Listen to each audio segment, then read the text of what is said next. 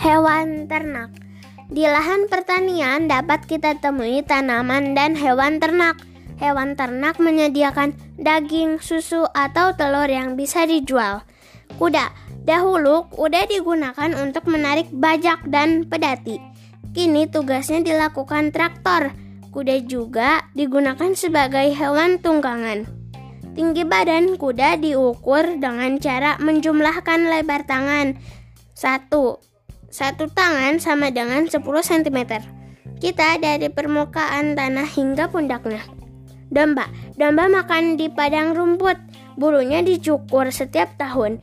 Juga diambil dagingnya. Ayam. Ayam diambil telur dan dagingnya. Mereka mengais-ngais tanah mencari serangga, cacing, dan biji untuk dimakan. Kambing. Kambing merumput di mana pun, termasuk di tebing. Kambing diambil kulit, susu, dan dagingnya. Babi. Babi mengais-ngais tanah dengan hidung. Mereka mengendus makanan seperti serangga, cacing, buah, kulit, kayu, dan hewan kecil.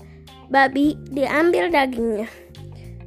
Sapi. Sapi betina adalah sumber susu yang baik. Sapi dipelihara untuk diambil dagingnya. Dari kulit sapi dapat dibuat beraneka barang kerajinan kulit. Angsa.